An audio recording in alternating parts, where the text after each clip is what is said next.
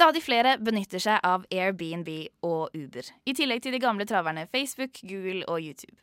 Delingsselskapene er populære, men bidrar lite til statens skatteinntekter, ifølge kritikerne.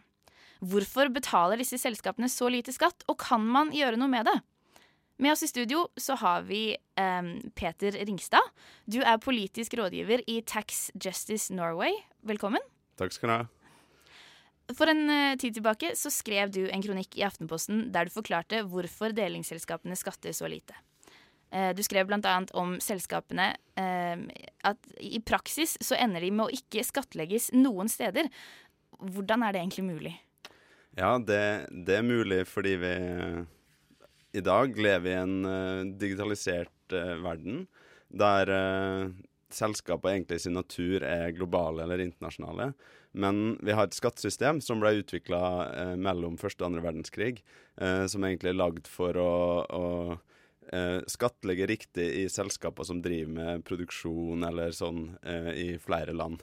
Eh, og det gjør at det blir veldig mange smutthull eller veldig mange juridiske gråsoner som eh, store selskaper har lært seg å benytte til å i praksis totalt unnslippe skatt.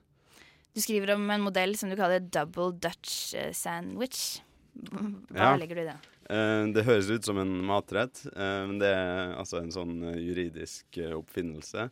Det handler om at du har to selskaper i Nederland, der det ene av dem har hovedkvarter i Bermuda. Uh, det er masse sånne juridiske spissfindigheter rundt uh, hvorfor akkurat man uh, går for en sånn modell, men det er da på en måte de to selskapene i Nederland og den på en måte skinka i Bermuda i midten som skaper den sandwichen. da. og når man strukturerer selskapet sitt på den måten, sånn som Uber har gjort, så anerkjenner alle andre land det som eh, et selskap som Nederland har ansvar for å skatte. Eh, men fordi eh, hovedkvarteret ligger i Bermuda, eh, så tenker nederlandske skattemyndigheter eh, at dette er noe Bermuda har ansvar for. Og i praksis, og siden Bermuda ikke skattlegger fordi det er et skatteparadis, så ender de opp med å ikke skattlegge noe sted. Uh, I kronikken så bruker du som eksempel en taxitur til 100 kroner der delingsselskapet ender opp med å betale fem øre i, i, skatt. Og det høres jo ikke mye ut i det hele tatt. Hvordan er det mulig? Ja, dette er jo eh, basert på tall som på en måte har kommet fram fra media. Så det er liksom det beste vi har å, å, å gå etter. Eh, det som skjer når du betaler for en kjøretur med uh, Uber uh, i Norge, er at uh, du betaler på mobiltelefonen din, altså på internett. Og, og den transaksjonen finner da egentlig sted i Nederland.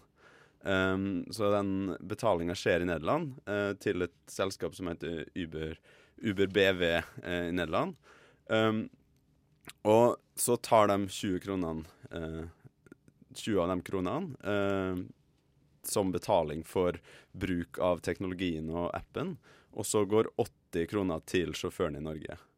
Um, og de pengene som kommer til Norge, de eh, er på en måte da sjåføren sitt ansvar å, å, å, sørge for at de blir skattlagt riktig, at han eh, ja, oppfyller alle forpliktelser som han, eh, måtte, eller han eller hun måtte ha til norske skattemyndigheter. Um, det som da skjer i, i Nederland, eh, er at uh, Uber BV uh, er et datterselskap av et annet uh, nederlandsselskap som heter Uber CV International eh, som sitter med alle patentrettighetene eh, til eh, Uber-appen og all teknologien rundt eh, Uber.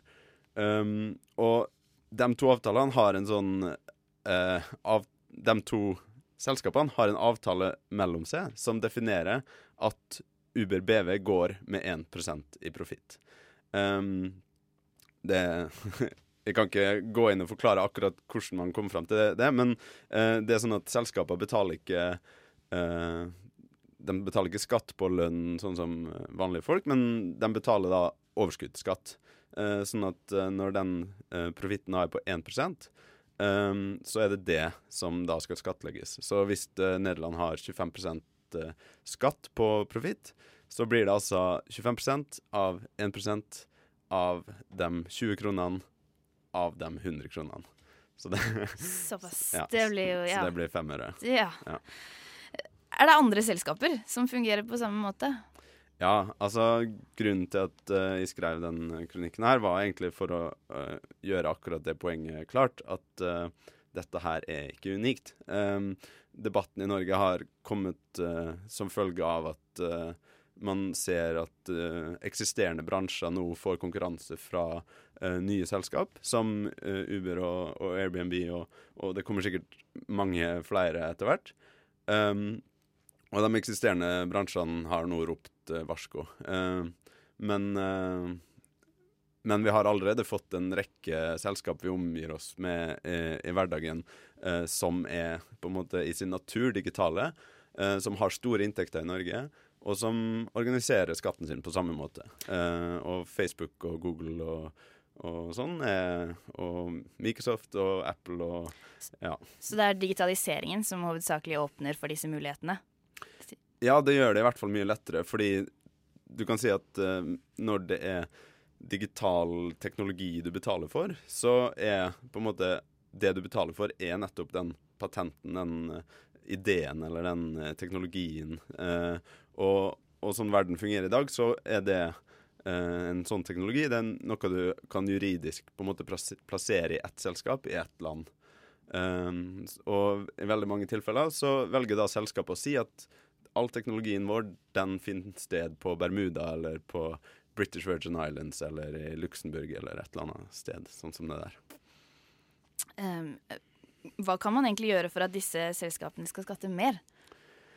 Det er masse man kan gjøre. Det er jo liksom eh, Det, det, det gjøres jo ting eh, hele tida. Eh, Liksom skatt har jo utvikla seg selvfølgelig også på den juridiske sida uh, siden 20-tallet, da de liksom grove trekkene i det systemet vi har i dag, ble utvikla.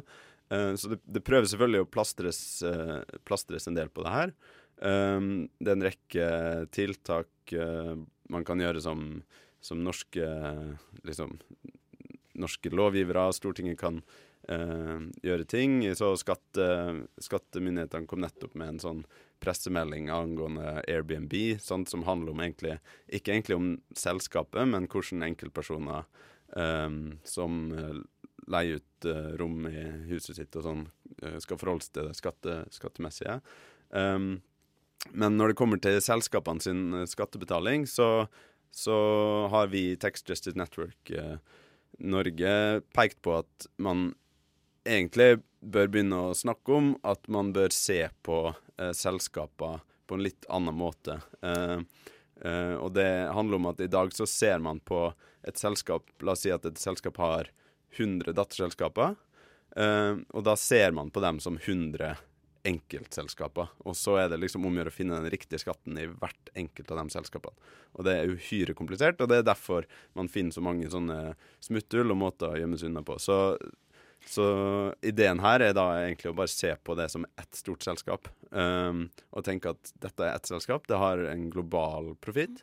Uh, og så prøve å finne måter der den profitten kan på en rettferdig måte fordeles, sånn at skattemyndighetene i de ulike landene kan uh, ta inn skatt på den profitten.